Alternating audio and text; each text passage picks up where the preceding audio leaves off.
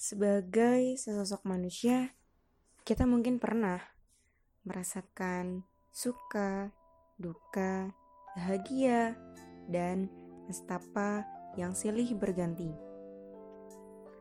Beriring menjalani semuanya, kita kerap kebingungan mencari arah ke mana dan bagaimana harus berbagi keluh mengurangi setiap beban yang memundak pada diri kita. Iya, sebagai manusia, kita butuh bercerita, bertukar pikiran, bertukar asa, dan bertukar rasa.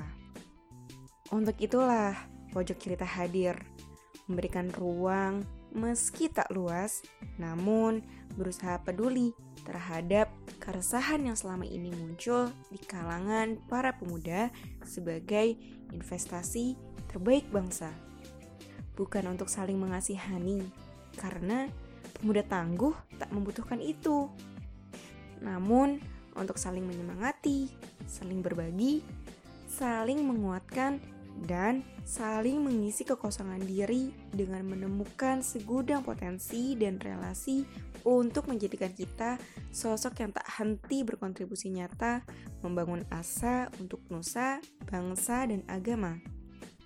Pojok cerita Together, we are sharing positive vibes because sharing is caring.